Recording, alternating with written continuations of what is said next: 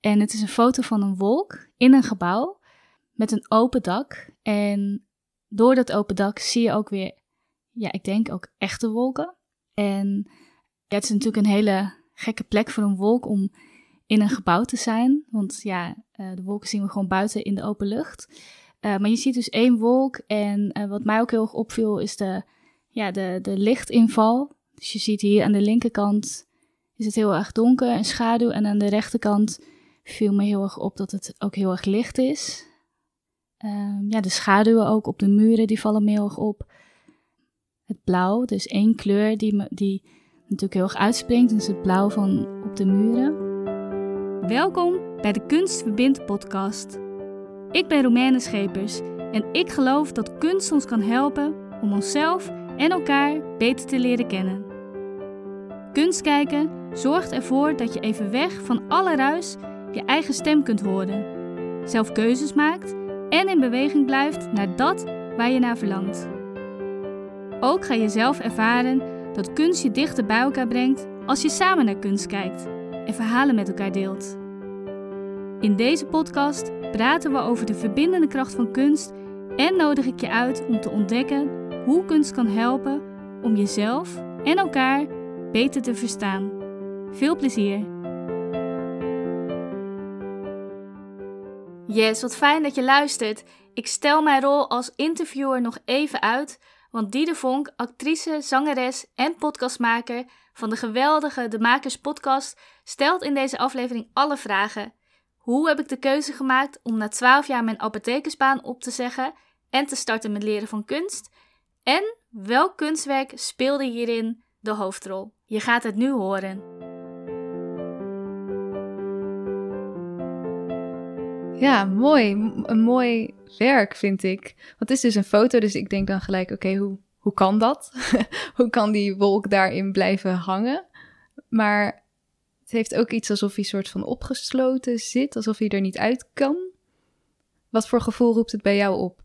Ja, het is leuk. Ik heb deze, uh, deze foto, die heb ik uh, tijdens mijn eerste Art-Based Learning die ik, uh, die ik deed in 2018, heb ik dit kunstwerk uitgekozen.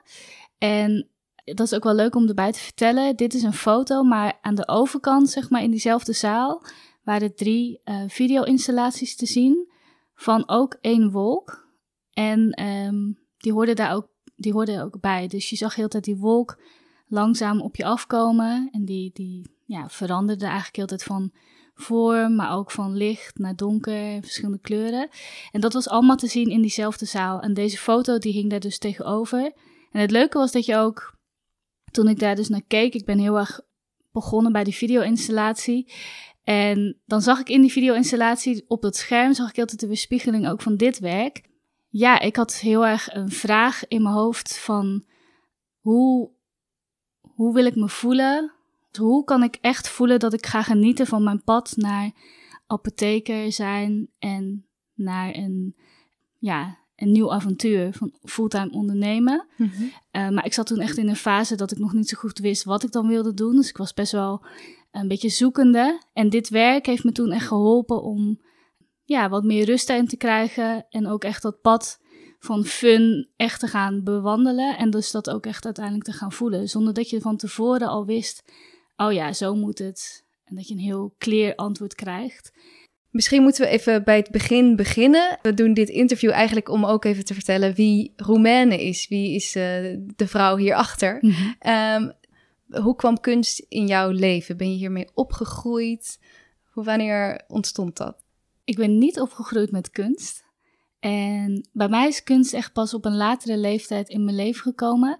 Ik ging denk ik hooguit vroeger, als we naar, uh, met schoolreisje um, iets leuks gingen doen, dan gingen we naar het museum. Dus dat waren de momenten dat ik in het museum kwam. En bij mij is kunst echt pas, nou ja, toen ik dus al aan het werk was als apotheker, is dat in mijn leven gekomen. Dus je ging in jouw eigen jeugd nou, niet echt vaak naar musea. Uh, je bent ook uh, farmacie gaan studeren. Was dat een keuze, was dat iets wat je heel leuk vond om te doen? Of was dat een keuze waarvan je dacht, hier ga ik een goede baan mee krijgen? Waarom ging je dat studeren? Ik ging dat studeren omdat ik uitgeloot was voor geneeskunde.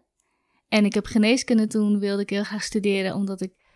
Uh, ja, ik weet niet zo goed dat is lastig om dat terug te pakken. Maar ik schreef altijd in vriendschapsboekjes wat wil je laten worden. En dan schreef ik chirurg op. Ik denk dat mijn ouders, ja, die hebben dat ook wel echt heel erg gestimuleerd. Van oké, als je dat altijd opschrijft, dat betekent dat je dit en dit gaat, uh, moet studeren. Want anders dan kun je geen dokter worden of chirurg. Uh, dus ik ben een beetje dat pad op gegaan. En ik ben eigenlijk ook nooit echt op zoek gegaan naar van wat zou ik wel willen. Ik, ik vond het wel altijd heel fijn om te tekenen. Dus dat, dat stukje creativiteit. Alleen ik heb dat gewoon niet zoveel aandacht gegeven. Voor mij was het altijd thuis, als we erover praten, dan ging dat dus over chirurg worden. En mijn ouders gingen dat ook heel erg stimuleren. Maar toen werd ik uitgeloot en toen moest ik natuurlijk een alternatief vinden. En dat was farmacie. Dat lag dan het dichtst bij mensen beter maken. En toen heb ik me daarvoor ingeschreven.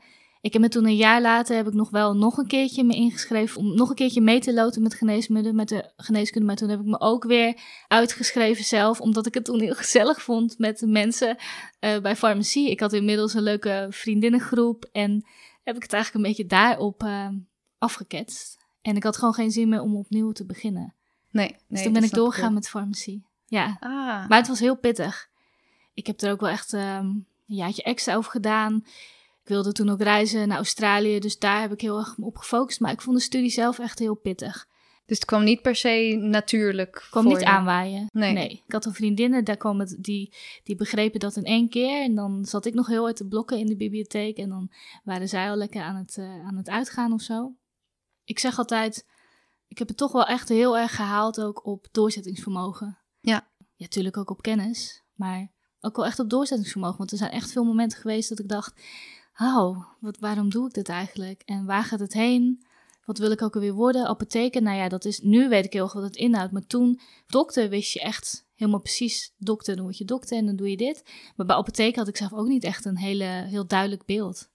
Nee, dus je werkte ook niet echt toe naar iets waarvan je dacht, nou, daar heb ik super veel zin in, of dat, dat wordt het helemaal. Nee. Dus sowieso knap dat je het hebt afgemaakt en bent doorgegaan, ook als je merkt dat het niet, ja, gewoon moeilijk is. Ja. Um, maar toen al had, kwam het niet in je op van moet ik misschien iets anders doen? Nee, want ik wist ook niet zo goed wat. En ik vond het wel heel gezellig. ja, dat klinkt dan wel heel erg. Maar ja, dat, zo meen ik dat oprecht. Ik vond het heel erg leuk. Ik vond het ook wel echt interessant wat ik deed. Wat je leerde, dat was natuurlijk super interessant. Want het ging ook nog steeds wel over het menselijk lichaam. En hoe werken uh, geneesmiddelen in het lichaam.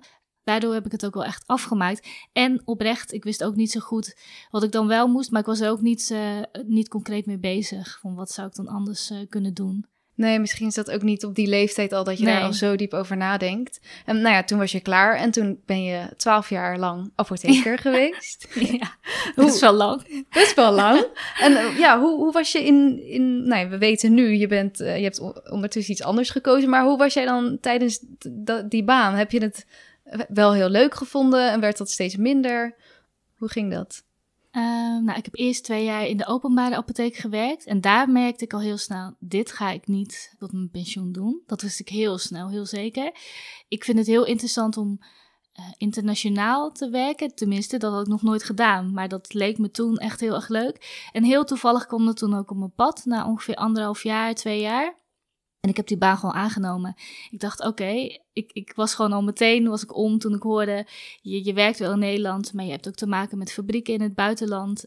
Uh, dus dat heeft me eigenlijk wel, um, ja, doen besluiten om daarvoor te gaan. Gewoon puur het idee, connecties ja. met andere landen. Ja. ja. en dat je natuurlijk wel bezig bent met geneesmiddelen op de markt brengen en kwalitatief goede geneesmiddelen. Dus ik kwam dan op, de, um, op een kwaliteitsafdeling terecht, waar ik ook dus tien jaar heb gewerkt. En het paste wel ook bij me. Ik ben wel iemand die heel erg ook van ook de regels heel kan toepassen, wetten kan toepassen. En dat was dat natuurlijk continu. Ja, nu denk ik ook, jeetje, dat je dat zo lang hebt volgehouden. Maar ik vond het in het begin ook super interessant om heel erg uh, te bellen met het buitenland, om problemen op te lossen. Dat vind ik nog steeds ook leuk. Ik hou er echt van. En je was altijd een, als qualified person, wat, was je ook altijd het spin in het web. Als er dan iets is, kijk, als alles goed gaat, dan zet je er een krul onder en dan gaat alles gewoon door. Maar zodra er iets is wat je moet uitzoeken, dat vond ik wel echt super interessant. En natuurlijk, die eerst na een jaar zit je er nog niet echt in, na twee jaar. Dus dat heeft echt wel een aantal jaar nodig voordat je echt dat helemaal die uh, functie helemaal begrijpt en hoe dat in elkaar zit. Eh, dus die eerste vijf jaar, dat is eigenlijk best wel voorbij gevlogen. En daarna ging het denk ik wel dat ik af en toe dacht, oké, dan kreeg ik weer die vraag in mijn hoofd van, is dit dan wat ik tot mijn pensioen ga doen? Ja, ik, ik denk altijd heel in extreme. Ik ga dan niet denken van, is dit wat ik volgend jaar nog wil doen? Met zulke dingen denk ik altijd van, is dit dan wat ik dan tot mijn pensioen ga doen? Ja, dan voelde ik ook al heel gauw van, nee, dat is het niet. Nee. Alleen, ik wist ook niet zo goed wat ik dan ging, wat ik dan, uh, ging doen. Want ik deed daarnaast, ik was wel altijd heel goed op zoek naar hobby's nieuwe hobby's. Dus dan zat ik weer op gitaarles, dan zat ik op pianoles, dan zat ik op Spaanse les. Allemaal van dat soort dingen. Oh, dus wel hele creatieve dingen ja, daarnaast aan het doen? Ja, dat deed ik allemaal. En daar haalde ik heel veel energie uit. Ja, ik ben gewoon iemand uh, die houdt heel erg van om nieuwe dingen te leren. Maar ik deed er nooit wat mee. Dus uh, het is niet dat, dat ik daar dan iets vond van, oh ja, dat zou ik wel eens kunnen doen. Dat is echt pas later gekomen. Wanneer was dat moment dat je iets vond waarvan je dacht, nou, misschien wil ik hier wel echt mijn werk van maken? Dat je in ieder geval merkte, ja, dit is het niet helemaal meer, ik wil even stoppen. Nou, ik had dus heel erg de kriebels uh, van, ik wil nog een sabbatical uh, opnemen. Uh, voordat ik hele grote beslissingen in mijn leven, zoals willen we kinderen of een huis kopen en dat soort dingen. Dat vond ik allemaal heel spannend. Maar wat wel heel erg zeker was, is dat ik graag een sabbatical wilde opnemen en dan samen met Gijs gaan reizen in Zuid-Amerika. En daar heb ik me toen gewoon helemaal op gestort. Ik dacht, oh ja, dat lijkt me zo fijn, een paar maanden eruit. En dan hoef ik ook even niet na te denken um, of dit het nou wel is en wat het dan is. Het was ook gewoon een beetje mezelf eigenlijk onbewust ook wel tijd gunnen. Dus je ging niet op sabbatical met het idee, hierna moet ik weten wat ik wil gaan doen. Maar gewoon echt even eruit. Ja, ja. En uh, dat is toen gelukt. Daar was ik heel blij mee. En toen zijn we dus uh, bijna vier maanden gaan reizen door uh, Zuid-Amerika samen. Ja, dat is natuurlijk super bijzonder, want ons leven was gewoon heel hectisch en druk. Je, je baan en ik zeg dat nu wel, maar nu met kindjes vind ik het eigenlijk nog druk. Maar goed, toen voelde het echt super druk. En ja, en dan opeens ben je op reis samen en is elke dag duurt echt oneindig. Terwijl je ook nog hele leuke dingen doet, meemaakt. Je ziet prachtige natuur. Je maakt mooie wandeltochten. Je komt in aanraking met de mensen die daar wonen, maar ook mensen die op reis zijn. Dus het gaf mij echt een super impuls. Ik, ik raakte er heel erg door geïnspireerd. En natuurlijk was ik nog steeds niet op zoek naar. Ik ging niet per se met een vraag of doel op uh, reis. Mijn reis aan zich was gewoon het doel. Ik wilde gewoon op reis met Gijs. op reis met Gijs. Maar toen omdat je denk ik ook zo ontspannen bent en niet echt op zoek bent, kwam het eigenlijk vanzelf. We hebben heel veel verschillende landen bezocht en een van de landen was Peru. En ik weet ook nog wel, we waren in de Sacred Valley en we hadden net een dagtour uh, achter de rug. Kwamen we s'avonds terug in het hotel. En toen zei ik opeens tegen Gijs, echt volkomen uit het niets, van ik ga een fotografiecursus doen. En ja, Gijs, ik weet wel nog wel dat Gijs me heel erg aankeek van oké, maar hij was ook wel gewend dat ik me heel impulsief elke keer voor iets opgaf dan weer voor Spaanse les, gitaarles, nou al die dingen. Dus uh, hij was niet super onder de indruk, maar hij zei, nou ja, dan moet je doen, leuk. En dus ik had echt meteen al op internet zitten kijken. Nou was het internet daar gewoon heel slecht, dus ik ben gewoon, zodra ik thuis kwam, heb ik gekeken waar zal ik dan beginnen. Ik ben eerst begonnen op de fotovakschool en toen na een jaar ben ik overgestapt naar de fotoacademie. Maar dat is dus wel echt in die reis ontstaan. En gewoon, ik weet ook nog steeds niet ja, er was niet echt een aanleiding om per se op zoek te gaan naar een fotografiecursus of zo. Het was gewoon opeens. Ik voelde gewoon heel sterk.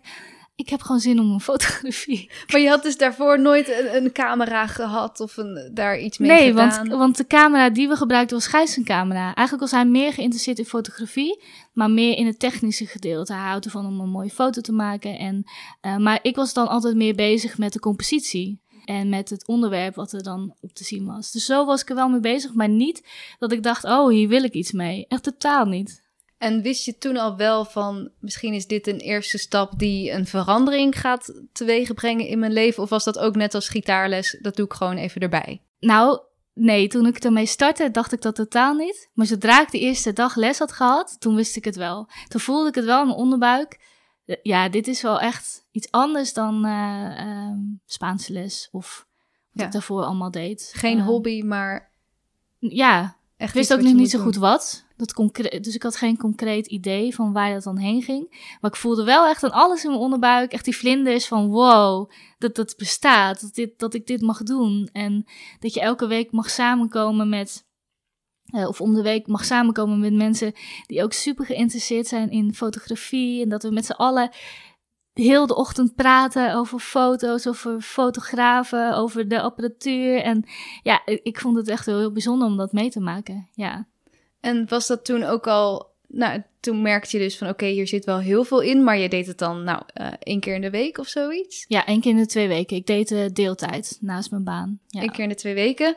Wanneer merkte je, oké, ik wil hier echt veel meer mee gaan doen? En ja, wanneer wilde je toch dan echt je leven over een andere boeg gooien?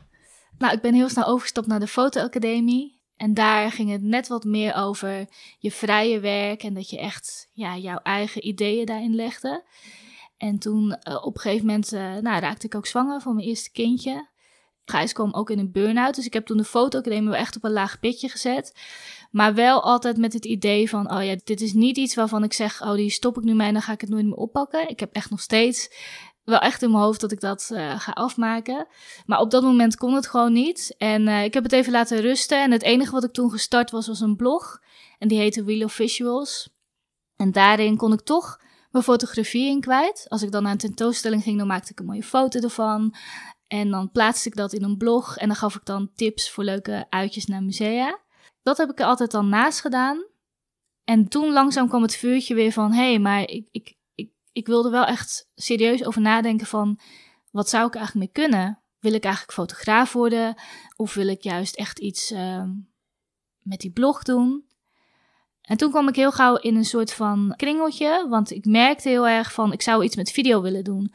Maar dat, dat vond ik echt het allerspannendste um, wat ik tot dan toe had gedaan voor die blog. En wat voor, ja, want je wilde voor je blog uh, video's gaan maken? Ja, inderdaad. Ik wilde voor die blog video's maken, maar ik wilde ook wat meer wat van mezelf laten zien. Ik denk dat dat ook echt is aangewakkerd door die fotoacademie. Dat je echt onderwerpen over na ging denken en concepten, die gingen heel erg over mezelf in mijn vrije werk.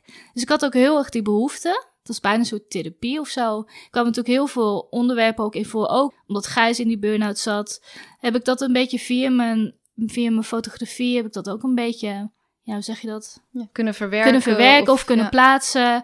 Of ja, iets concreets van kunnen maken. Ik voelde, ik wil iets met video. Ik weet bij God nog niet wat. En ik wil wat meer zichtbaar zijn. Want ik voelde wel die drang van, ik wil iets vertellen in de wereld. En het heeft te maken met kunst. Maar ja, wat? Dat wist ik gewoon niet zo goed. En toen heb ik me aangemeld bij de Video Business School van Zerijde Groenhart. Daar ben ik mee gestart. Nou, vond ik super eng. Ik heb over die eerste video heb ik echt heel de dag gedaan. Ik weet nog wel dat Gijs zat boven. Eh, het was ook eens een, een, een, het had die dag gesneeuwd, dus we waren een beetje ingesneeuwd. Hij zat boven te werken. Ik zat beneden met mijn camera en ik heb heel de dag gedaan om die eerste video überhaupt te maken. En toen heb ik nog een week gedaan om die video te plaatsen in die besloten Facebookgroep. Dus dat vond ik super spannend. Maar ja, ik ben er wel mee begonnen, omdat ik dat wel voelde. Uh, dat, dat, die kant wil ik op. En daar ben ik, in, om een lang verhaal kort te maken, daar ben ik iemand tegengekomen, Marielle. En zij vertelde mij over uh, art-based learning.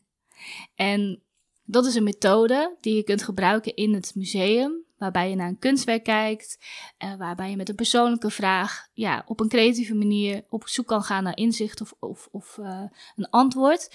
En toen zij mij daarover vertelde, dacht ik echt, wow, dat dit bestaat. Vertel me er meer over. Inmiddels was ik ook al bevallen van ons tweede kindje. Ja, we gaan heel, heel snel in de tijd. En ik had toen al wel besloten, ik wil één maand extra voor met hem, met, met hem extra te knuffelen. En één maand echt voor mezelf. Want ik voelde gewoon op, de, op dat moment, er zit gewoon meer in. Tuurlijk weet ik nog niet wat, maar er komen nu zoveel dingen bij elkaar. En ik ben nu met zoveel dingen bezig. Dat, dat moet, wil ik gewoon echt een kans geven. Mm Ja, toen had ik met haar afgesproken tijdens mijn verlof. En ik weet nog, dat was in de hermitage. Ik had ook onze tweede zoon had ik mee. Ik was super excited dat ik iets ging doen buitenshuis. Dus ik was in alle blijheid was ik mijn, uh, hoe heet dat, de, fles vergeten. Dus ik moest hem toen aan de borst leggen. En ik voelde me super gênant, want ik had haar nog nooit gezien. En het was onze eerste afspraak. Maar ik wist wel, oh, ik wil haar echt spreken. Want het, het is super leuk om uh, weer eventjes uit huis te zijn. Dus ik zat daar met hem aan de borst en gelukkig was hij heel rustig. En terwijl ging ik gewoon met haar kletsen. En daar vertelde ze me dus over art-based learning. En toen dacht ik echt, wow, dit is echt, hier moet ik alles over weten. En dan ga ik wel echt meteen mijn, ga ik meteen opzoeken op internet. En toen was er dus een uh, training, precies in de tijd van mijn verlof, waarbij je die art-based learning methode kunt aanleren. En daar heb ik me meteen voor ingeschreven. Ah, dat en, er was gelukkig, en er was gelukkig nog een plekje, ja. Wauw. ja. Dus eigenlijk heb je een hele hoop dingen gedaan waar, waarbij je wel merkte, dit vind ik heel bijzonder, maar ik weet nog niet precies hoe of wat. Dus fotografie, eh, je maakte foto's, maar ja, je wist niet per se of je fotograaf wilde worden. Je deed een blog, maar je wilde daar ook video's bij maken. Ehm, en toen kwam het, het idee van art-based learning en daar kwam misschien alles een beetje samen. Ja, want daar kwam die kunst in, in samen. Ik was natuurlijk heel erg met mijn eigen gedachten bezig en die verwerken in uh, vastleggen in foto's. Ja, dat komt er allemaal natuurlijk in samen. En ook heel erg je verbeeldingskracht. Ik hou heel erg van om je verbeeldingskracht te gebruiken. Ik deed dat gewoon wat minder in mijn werk, maar dat heeft er altijd wel in gezeten. Ik was gewoon heel erg geraakt door het feit dat dat bestond. En dat is echt voor het eerst dat ik echt dacht, wow, dit is voor mij gemaakt. Ja, dat klinkt heel stom, want natuurlijk heeft Jeroen, Jeroen Luttes de bedenken van die methode dat niet voor mij gemaakt, maar ik dacht wel echt van, wauw, dat dit op mijn pad is gekomen, vond ik echt super bijzonder. En toen was ik er nog ineens mee gestart, hè? Toen, dat, dat voelde ik al meteen, uh, ja. Ja, want eigenlijk wat zoals je beschreef hoe jij naar musea ging en daar rondkeek uh, met een bepaalde vraag in je hoofd of met je eigen vragen of twijfels, dat is, lijkt al heel erg op die art-based learning methode. Ja, ja, ik denk dat er gewoon heel veel overlap in zit, waardoor je dus ook heel veel dingen herkent wat je prettig vindt om in een museum te ervaren ook. En toen ging je die training doen. ja. uh, wat gebeurde daar? Want daar begonnen we mee met ja. de, de wolk en um, de foto. Um, was dat de eerste foto die, die je toen zag? Of uh, ja, wat gebeurde er toen? Kijk, we werden, zeg maar, we kregen de training hoe we zelf die art-based learning sessies kunnen geven. En, en tegelijkertijd ging je dus zelf ook zo'n art-based learning sessie ervaren. En we gingen, we gingen gewoon rondlopen in uh, collectie De Groen in Arnhem. En de, eerste opdracht is van zoek een kunstwerk uit wat je aanspreekt. Of soms kan het zijn dat het kunstwerk jou uitkiest. En zo gingen we door, die, uh, door dat gebouw lopen. En toen we in die zaal kwamen waar dus uh, deze foto waar we net naar hebben gekeken... en die drie uh, video's te zien waren. Toen ik daar was, toen wist ik gewoon, oh ja, hier ga ik mijn art-based learning sessie mee doen. En er was ook nog één ander iemand die dat ook had gedaan. Dus we stonden daar met z'n tweeën. Maar ja, gingen we daar uh, aan de slag met dat kunstwerk. Ja. En hoe ziet dat eruit als je aan de slag gaat met een kunstwerk? Wat, wat doe je dan? Allereerst moesten we natuurlijk een, een vraag uh, noteren, want daar begint ook elke art-based learning sessie mee. En ik, ik heb toevallig ook mijn schriftje meegenomen, want ik, ik heb er eigenlijk helemaal niet meer in gekeken. En ik had gewoon een aantal vragen opgeschreven die ik uh, op dat moment belangrijk vond. Van waarom wil ik zo snel mogelijk uit de farmacie? Gaat mijn leven er over één jaar uitzien? Maar uiteindelijk heb ik wel ge gekozen voor die vraag van hoe. Ik had toen dat gesprek met rijder gehad in de Video Business School. En die zei tegen me, joh ga nou eerst eens fun maken. Ga nou eerst eens genieten van wat je doet. En ik dacht, oké, dat ga ik doen. Dus ik had netjes opgeschreven. Ja, Sarayda, die, uh, uh, nou, die geeft de tip van ga eerst eens lol maken. Um, maar het raakte me heel erg. Ik weet nog wel dat ik na dat gesprek met haar heel erg moest huilen. En dat ik, ik, ik, ik maar kon het ook niet echt plaatsen. En Gijs dacht ook echt, wat is dit? Uh, wat gebeurt hier? En dus het raakte me wel heel erg. En die weken daarna kon ik ook niet zo goed, wist ik niet zo goed wat ik ermee moest. ik dacht, ja, lol maken. Ik heb, ben altijd wel heel positief ingesteld en, en doe leuke dingen. Maar lol maken, ja, ik wist ook niet zo goed hoe ik dat dan moest doen. En je was misschien dan met al die fotografie en al die dingen meer bezig geweest met hoe kan ik hier een andere business ja, van maken? want dat heb ik het toen ook met haar over gehad. Van ik doe nu die blog, maar hoe kan ik dat omzetten in een business? En zij zag natuurlijk al meteen van ja, uh, je, je zit nog midden in dat proces. En ga maar eerst eens gewoon ja, genieten van wat je doet. En dan komt het vanzelf wel. Ja. Dus mijn vraag was ook van, hoe kan ik het ook echt voelen dat ik 100% ga genieten van mijn reis? Dat was mijn vraag hoe ik die art-based learning inging. Ja, dat vond ik ook best wel een lastige vraag, want ik kwam mezelf niet uit. En ik koos dus die wolk. En op dat moment weet je ook niet zo goed waarom kies ik dan die wolk uit. Maar ja, doordat je die stappen heen gaat, kom je er wel achter van, oh ja, die wolk zegt me dit, of ik voel dit erbij en dan kan ik deze conclusie aantrekken of dit inzicht. Dus uh, voor mij was het natuurlijk en het feit dat ik een nieuwe methode leerde kennen die heel goed bij me paste, maar ook echt wel dat toen ook dat het toen ook is begonnen dat ik ook echt kon genieten van het hele proces. Van waar ik nog niet wist waar dat naartoe ging. Dus het art-based learning was ook gelijk wel, dus vanaf vrij snel in het begin, echt een proces waar je wel echt plezier in had. Ja, eh, überhaupt die training zelf. Ik kwam met zoveel energie terug. En ik, had, ik was die week daarvoor was ik echt heel erg ziek geweest. Ik had heel erg. Uh, ja, ik lag gewoon echt op mijn bed tot die dag ervoor. Uh, ik twijfelde echt aan of ik wel kon gaan met die buikgriep. En toen ben ik toch gegaan met al mijn, ik was super nog, uh, ja, dat je net beter bent en nog heel zwak bent. Dus ik dacht echt, oh jee. Maar ik voel dan alles, ik moet naar Arnhem. Ja, dus dat was nog best wel spannend. Het was spannend, maar je had er gelijk ook heel veel plezier in.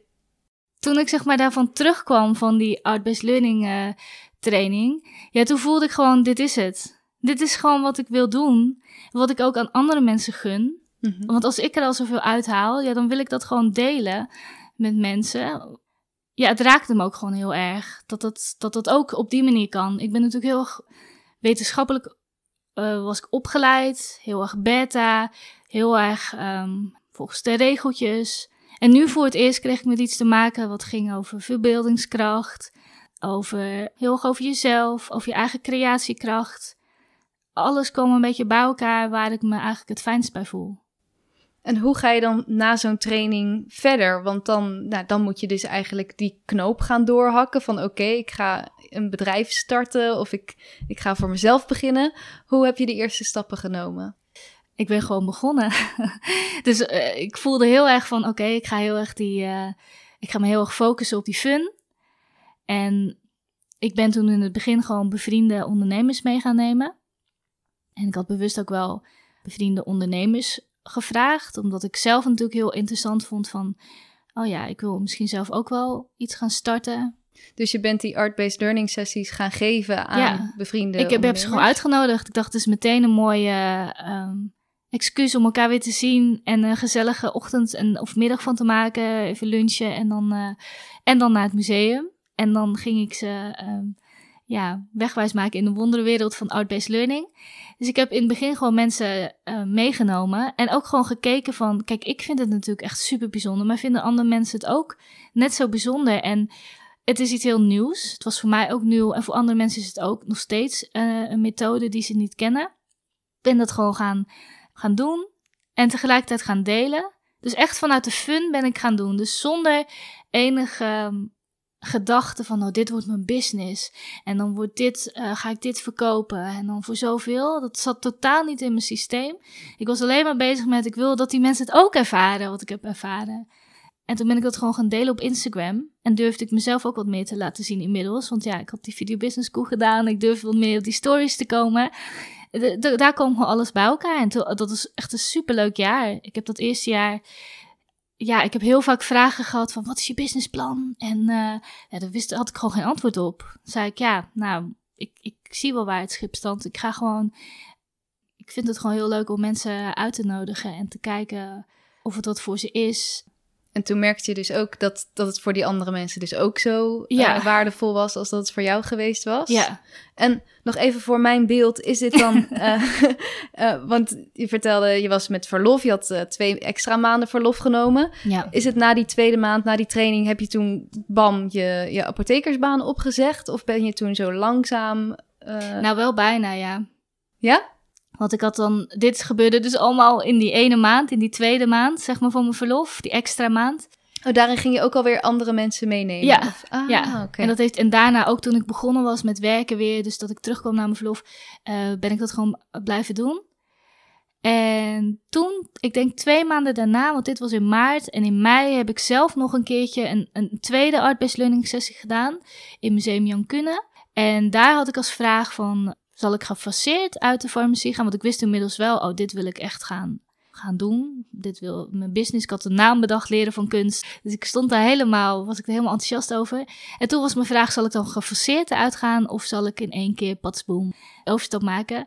Ja, die zal ik ook echt nog wel in een andere aflevering, dat kunstwerk ook uh, vertellen hoe dat dan is gegaan. Maar er kwam in ieder geval uit van, ik ga er in één keer uit.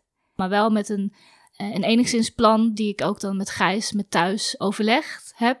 Ja, wel uh, fijn toch als je ja, twee zeker, kinderen hebt. Ja. en, uh, Dus ik heb twee maanden daarna heb ik mijn ontslagbrief ingeleverd. Eigenlijk door die uh, tweede art-based learning sessie.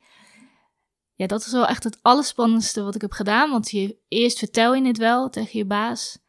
Maar dan het allerspannendste vond ik echt om die brief ook letterlijk zo bij HR op het bureau te leggen. Ja, dat was nog wel even een sp spannend moment. Waarom was dat het allerspannendste? Ja, het voelde heel erg uh, definitief of zo. Mm -hmm. Alsof ik al die deuren dicht deed. Ja.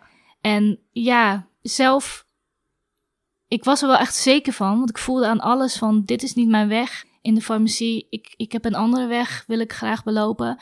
Maar om het dan echt te doen, ik voelde me heel verantwoordelijk, ook voor thuis. En ik, ik ja, het, het, voelde wel een beetje zwaar om dat dan echt daar neer te leggen. Maar zodra ik dat gedaan, voelde het weer heel licht. Dus ja, dat was wel heel fijn om te ervaren. Want ik denk, ja, als dat dan ook nog eens heel zwaar voelde, dan, um, nee, ik kwam echt heel gelukkig thuis. Ja, dat is wel een heel bijzonder moment. We zijn nu uh, twee, tweeënhalf jaar verder dan, denk ik? Ja, bijna drie jaar. Bijna drie jaar verder. Wat heb je de afgelopen jaren allemaal opgebouwd? Want als ik jou bezig zie soms, denk ik... oh, jij doet zoveel verschillende dingen. Het is dus ontstaan vanuit die art-based learning. Ja. Wat doe je er nog allemaal bij nu? Nou, ik ben eigenlijk nu dit jaar weer een beetje teruggegaan naar één uh, iets wat ik doe. Dus ik richt me echt helemaal op teambuildings. Uh, en dan uh, met name de focus op uh, verbinding, op vertrouwen binnen een team en creatieve mindset. En dat koppel ik altijd allemaal met die art-based learning. Maar daarvoor heb ik wel van alles uitgeprobeerd. Ja, ik ben natuurlijk begonnen één op één. En toen vond ik het opeens heel leuk om mensen te verbinden met elkaar. Dus toen ben ik netwerkevents gaan geven voor ondernemers. Dat heb ik een aantal keer gedaan. En zo is het een beetje gegroeid. En toen kreeg ik aanvragen voor teams. Toen dacht ik, ja, het lijkt alsof het nu bij elkaar komt. Ik kom zelf uit een team waarin ik ook echt wel zag van... hé, hey, ik zou dat op een andere manier willen aanpakken... maar ik wist ook niet zo goed hoe. Om echt te zorgen dat je team ook echt een team is. Mm -hmm. Ik vond dat heel interessant. Ik vind dat nog steeds heel interessant. En ik vind het heel leuk om dat dan op een andere manier aan te kunnen pakken. En op een andere manier uh, mensen ja, ook met hun creativiteit in aanraking te laten komen. Want je eigen creativiteit is natuurlijk echt van jou. En uh, dat komt heel erg naar voren bij zo'n sessie. Dat kun je niet. Dat, is, dat kun je bijna niet. Iedereen maakt iets mee met zijn of haar kunstwerk. En er is niemand die dat voor jou kan uh, bepalen. Wat jij er dan in ziet. Of wat voor associaties je erbij hebt. Die associaties komen allemaal uit jezelf. En dat is het mooie ervan. Dus het wordt al gauw wel heel heel erg van jou. En als je dan dingen met elkaar gaat delen, ja, dan kan je er bijna niet omheen dat je dat, dat, dat heel verbindend werkt. Maar ook wel persoonlijk als je dat dan moet ja, delen heel persoonlijk, misschien. ja. Durven mensen dat altijd? Ik, ik zeg er nu altijd wel bij van, kies een vraag uit die je wel met je collega's waarvan je bereid bent om die te delen met elkaar. En wat je bijvoorbeeld nu heel vaak, ja, nu zitten we in de uh, uh, corona-situatie, dus heel veel mensen zitten thuis. En heel veel vragen zijn bijvoorbeeld, hoe kan ik de beste versie van mezelf zijn nu in deze periode? Hoe kan ik mijn creativiteit meer inzetten? Dus mensen denken al gauw, als ik zeg een persoonlijke vraag, oh, dan moet ik vertellen iets echt over mijn persoon persoonlijke leven. Dat moet dan helemaal de diepte ingaan. Dat mag, maar als je dat niet wil, gaat niemand je daartoe verplichten. Als het maar wel iets is waar jij je mee bezighoudt, wat jij belangrijk vindt voor jezelf. Op die manier doe ik het nu. Dat deed ik in het begin wat, wat strakker of zo, maar ik heb wel gemerkt je hebt liever dat mensen dat wel echt delen met elkaar. Ja. Want dan voel je echt die verbinding. En dan kan je van daaruit wel weer de diepte ingaan. Of dan kan je misschien een keertje één op één met iemand in gesprek gaan. En als iemand wel de diepte in is gegaan, heel vaak herkennen mensen dat ook. En dan pakt dat heel positief uit. Want dan zie je je collega ook anders. En dan denk je, wauw, dat hij dat heeft gedeeld. En dan stap je misschien ook een keertje op iemand af van... ik heb dat eigenlijk ook wel eens gehad. Of ik heb dat nu niet durven delen, maar wat goed dat je het wel deed. Ik heb daar ook heel veel inspiratie uit gehaald. En door die gesprekken met elkaar te voeren, ja, die verbinding, dat is er gewoon. Dat, dat, raakt je heel erg als je die verhalen met elkaar deelt. En je zei net ook al, we zitten nu in, in de coronacrisis. Um, ook een tijd waarin we echt wel op zoek zijn naar verbinding. Maar ja, jouw uh, grootste deel van jouw uh, bedrijf bestaat natuurlijk uh, ja, uit naar musea gaan. En met grote groepen mensen daar samen staan. Dat kan natuurlijk allemaal niet. Hoe heb jij dan genavigeerd door het afgelopen jaar? Vond ik in het begin heel lastig. Moet ik ook wel echt eerlijk toegeven. Toen in maart alles dicht ging ja, voelde het heel overweldigd of zo. Ik heb echt wel ook momenten gehad dat ik dacht, nou, dit is misschien toch niet de route of zo. Ik moet ermee stoppen, want ja, ik, ik ben altijd in het museum en wat nu? En toen heb ik het ook heel erg laten rusten. Ik wilde niet als een gek alles naar online omgooien. Ik was daar heel sceptisch over. Ik dacht, we gaan niet online uh, kunst kijken. Daar was ik gewoon heel stellig in eigenlijk.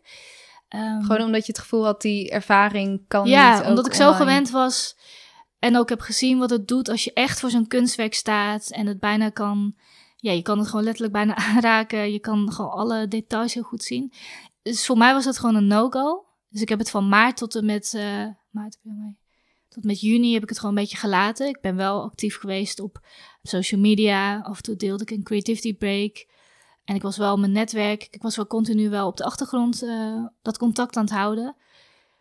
Maar ik zag niet iets ja, wat ik op dat moment kon doen of zo. Dus dat heb ik toen gelaten. En toen is het eigenlijk ook vanzelf weer op mijn pad gekomen dat iemand naar me toe kwam van... Ik wil een virtueel museum uittesten. Ik moest aan jou denken. Wil je dat met me doen?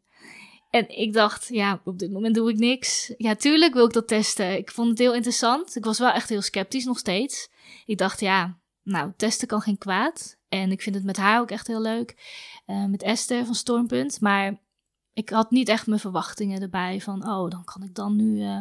Want een virtueel museum is uh, dus een, ja, een museum waar allerlei werken hangen, maar dat is niet naar een, een stedelijk museum of een rijksmuseum. Dat is niet een soort van. Uh, nee, dat is gewoon een.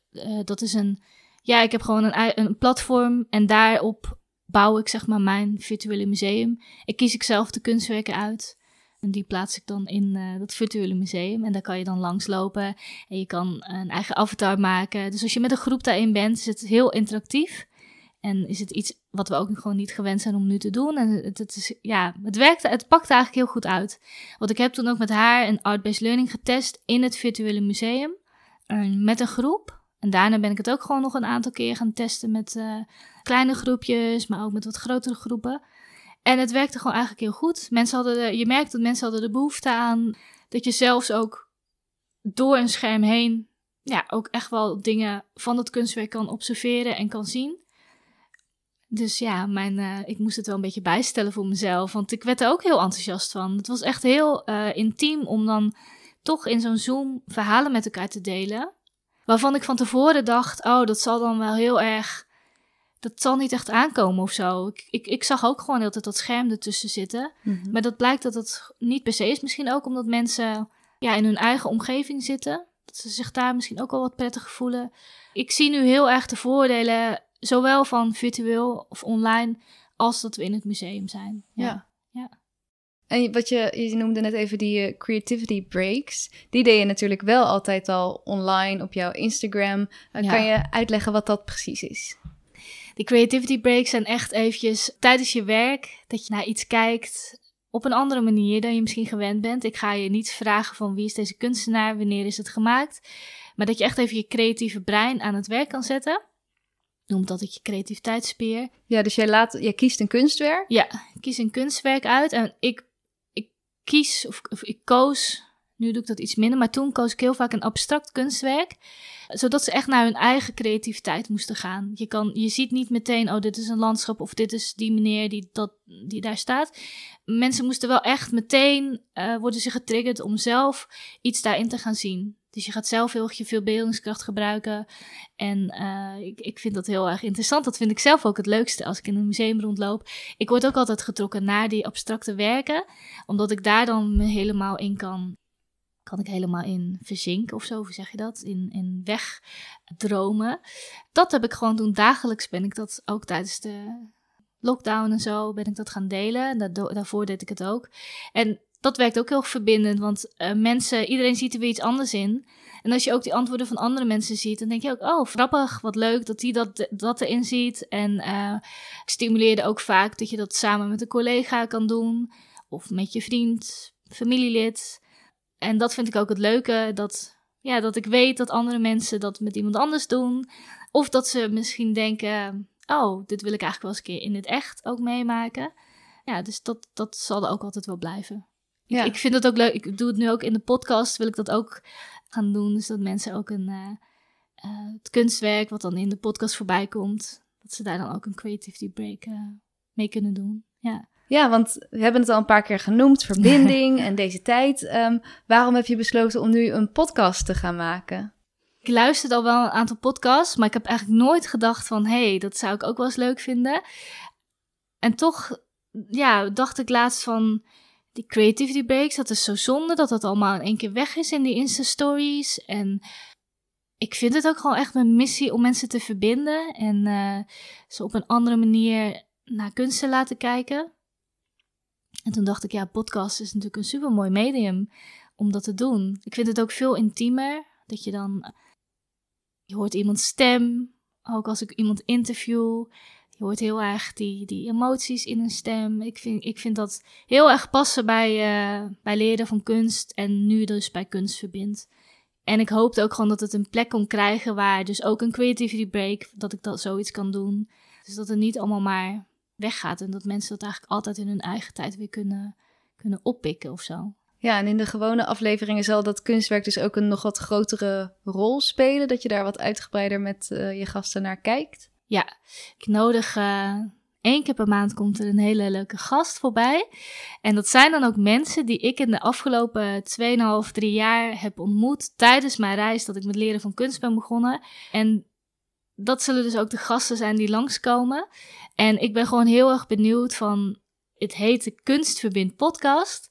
En ik ben ook heel erg benieuwd hoe zij dat dan doen. Hoe verbindt kunst zich um, met hunzelf, maar ook hoe verbindt kunst uh, jou met andere mensen. De ene die is heel erg bezig met zijn werk daarin, maar hebben we eigenlijk misschien nooit de verhalen gehoord hoe ze dat met hun familie doen of met hun vrienden. Dus ik ben heel erg ook benieuwd naar die verhalen daarachter.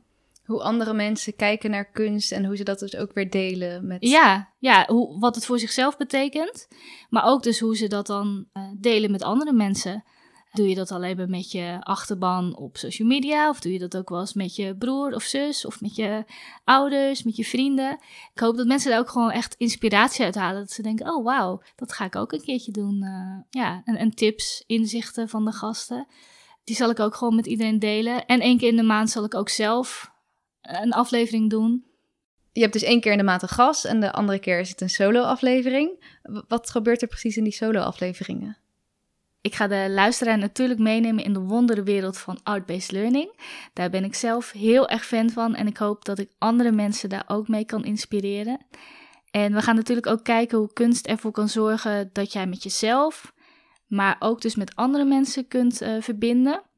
En dat zal ik deels doen door het delen van verhalen uit eigen ervaringen, maar ook deels door het vertellen van verhalen van mensen die ik heb mogen begeleiden tijdens het kunstkijken de afgelopen jaren. En ik zal ook mooie tips en inzichten en kunstwerken uh, ook gaan delen in de verschillende solo-afleveringen, zodat je het ook als luisteraar in de praktijk kunt gaan brengen. Dus ik kijk daar echt enorm naar uit. Leuk, heel veel verschillende dingen komen daar dus in ja. terug. En je had het daar net ook al over van met een gast bespreek je dan ook van hoe verbind jij met anderen met kunst en met Ja. vrienden en dat doe je zelf dus ook. Hoe is dat bijvoorbeeld bij jou met je gezin? Want ik weet, nou online deel jij natuurlijk veel over, kun- over kunst, maar is dat in je privéleven ook zo? Ik moet wel eerlijk toegeven, met de oudste was het meer met onze oudste zoon dan met de jongste. Maar dat heeft meer te maken met dat ik het met de jongste best wel spannend vind om naar het museum te gaan. Omdat hij, ja, dan moet je echt wel voor uitkijken dat hij niet iets tegen het schilderij aangooit of zo. maar nee, dat doe ik ook nog steeds wel met hem. Maar met de oudste ben ik daar ook echt mee begonnen. Samen naar, naar het museum te gaan en kunst te gaan kijken. En dat vond ik gewoon zo bijzonder. Uh, je denkt van tevoren van, ga je toch kijken naar welk museum gaan we? En wat is daar nu voor tentoonstelling? Wat zou hij leuk vinden? En we eindigden altijd ergens waarvan ik niet had gedacht dat we daarvoor zouden staan. En ook nog best wel lang, dat we daar gesprekken over hadden. Of dat hij iets aanwees wat hij dan interessant vond, bepaalde details. Dus dat vind ik ook heel erg leuk om op die manier met je kinderen naar kunst te kijken. En dat hoeft echt helemaal niet zo heel moeilijk te zijn. En ik denk als je een museumkaart hebt, dat kan ik ook iedereen aanraden met kinderen. Dan maakt het ook niet uit of je tien minuten binnen bent, of een uur, of drie uur soms. dat maakt het ook gewoon voor jezelf wat, uh, wat fijner. Ja, dus met de kinderen vind ik het ook heel leuk om thuis door de kunstboeken te kijken. Ja, voor hun is dat ook gewoon heel leuk om dingen te ontdekken en uh, verhalen te horen.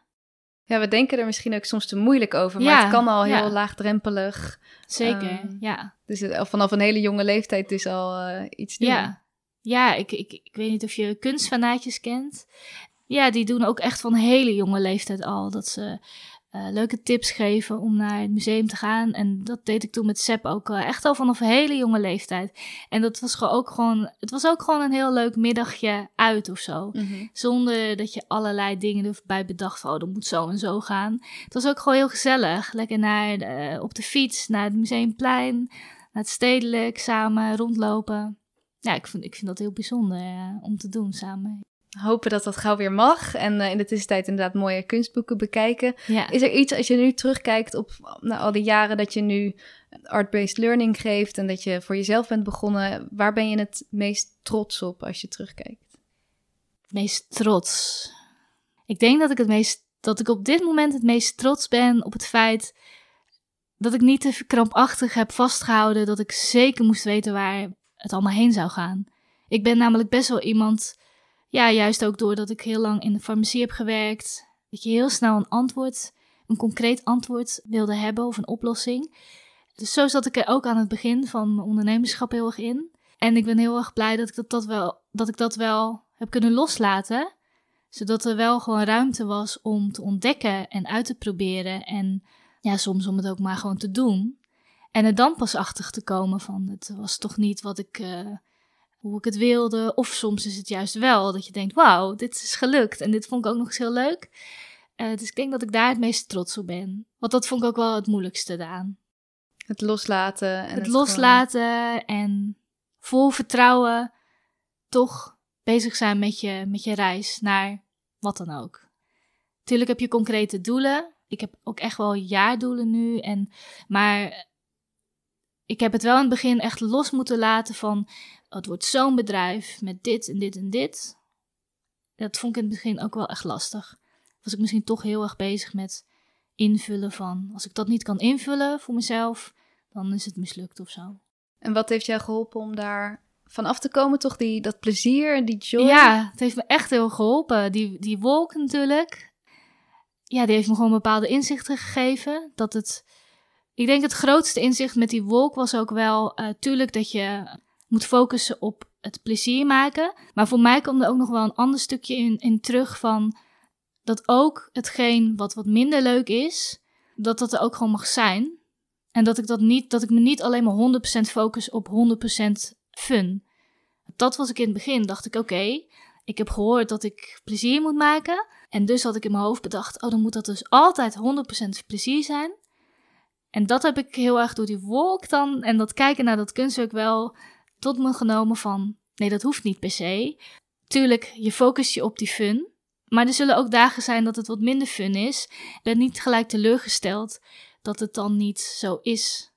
Uh, dat het niet goed is. Dat het niet goed is, of dat het dan mislukt is, of dat het dan niet gaat lukken. Mm -hmm. Dat hielp mij wel echt. Ik voelde het ook gewoon daarna. Dus soms zijn dingen ook die je theoretisch wel kunt bedenken. Ja, die voelde ik na zo'n art-based learning gewoon in mijn, in mijn lijf. Waardoor je er ook wel meer naar gaat handelen of zo. Of, of echt die berusting kan voelen. Ja, dat is het vaak met dingen. Dat je, je kunt het wel uh, ja, lezen of beschrijven, maar je moet het ja. soms gewoon echt ervaren. Mm -hmm. Dus daarom vind ik het zo tof dat je deze podcast bent begonnen en dat uh, heel veel mensen dat hopelijk uh, nog meer gaan ervaren in de ja. afleveringen die gaan komen. Ik ben super benieuwd. Kun je alvast een klein tipje van de sluier geven voor mensen die uh, nu benieuwd zijn naar de volgende afleveringen en die misschien alvast thuis eventjes iets willen proberen met naar kunst kijken. Uh, heb je een, een, tip voor hoe ze dat kunnen doen? Een leuke tip is wel, en, en die ik ook wel vaker hoor, van ga ook eens een keertje alleen naar het museum. Tuurlijk, je, je kunt ook samen gaan, dat is heel leuk, maar probeer het ook gewoon eens een keertje alleen. Dat heeft mij ook heel geholpen in het begin. Gewoon lekker verdwalen in die zalen, rondlopen stilstaan waarvan je voelt in je onderbuik: wauw, dit doet iets met me. En ook niet het per se meteen willen kunnen verklaren van waarom dat dan ook is. Ja, probeer dat gewoon eerst een keertje uit. En ga er eens een keertje wat langer voor staan dan één minuut. Al doe je vijf minuutjes. Het hoeft echt niet meteen 30 minuten of een uur te zijn. Dat, uh, die, die lat hoef je niet zo hoog te leggen. Iets rustiger Want het beginnen. is gewoon super leuk. Ja, het is gewoon super fijn ook voor jezelf. Uh, ja, ik, ik kijk vind gewoon het echt, wat het uh, brengt inderdaad. Ja, ik vind het echt een cadeautje voor mezelf als ik dat doe in het museum alleen rondlopen. Tof. Ik, uh, ik ben heel benieuwd. ik, heb er, ik krijg ook heel veel zin in. Dus ik hoop dat we gauw weer mogen. Mm -hmm. Heel erg bedankt. Ja, ik ben inmiddels thuis en oh, wat was dit een superleuk uh, gesprek samen met Diede. Ik ben heel erg blij dat Diede vandaag uh, de vraag stelde. Ik kan alvast verklappen, Diede is ook een van de podcastgasten, dus zij zal ook zeker aan de andere kant uh, gaan verschijnen. Nogmaals dankjewel en volg Diede. op Instagram kun je haar volgen, Diede Vonk. Of op haar podcast-account, de Makers Podcast. En beluister ook zeker deze podcast, want daar ga je ook heel veel tips en inzichten uithalen. Diede, ik zeg nogmaals dankjewel en tot de volgende keer. Bedankt voor het luisteren. Wil je verder meepraten en connecten met andere luisteraars? Dat kan in de speciale Facebook Kunst Verbindt Podcast Community. Hier vind je ook alle kunstwerken uit deze aflevering. Tot slot ben ik ook onwijs nieuwsgierig. Laat een review bij deze podcast achter en vertel wat je uit deze aflevering meeneemt. Abonneer en volg deze podcast en ontvang als eerste een bericht als het volgende kunstwerk op jou staat te wachten. Tot de volgende keer.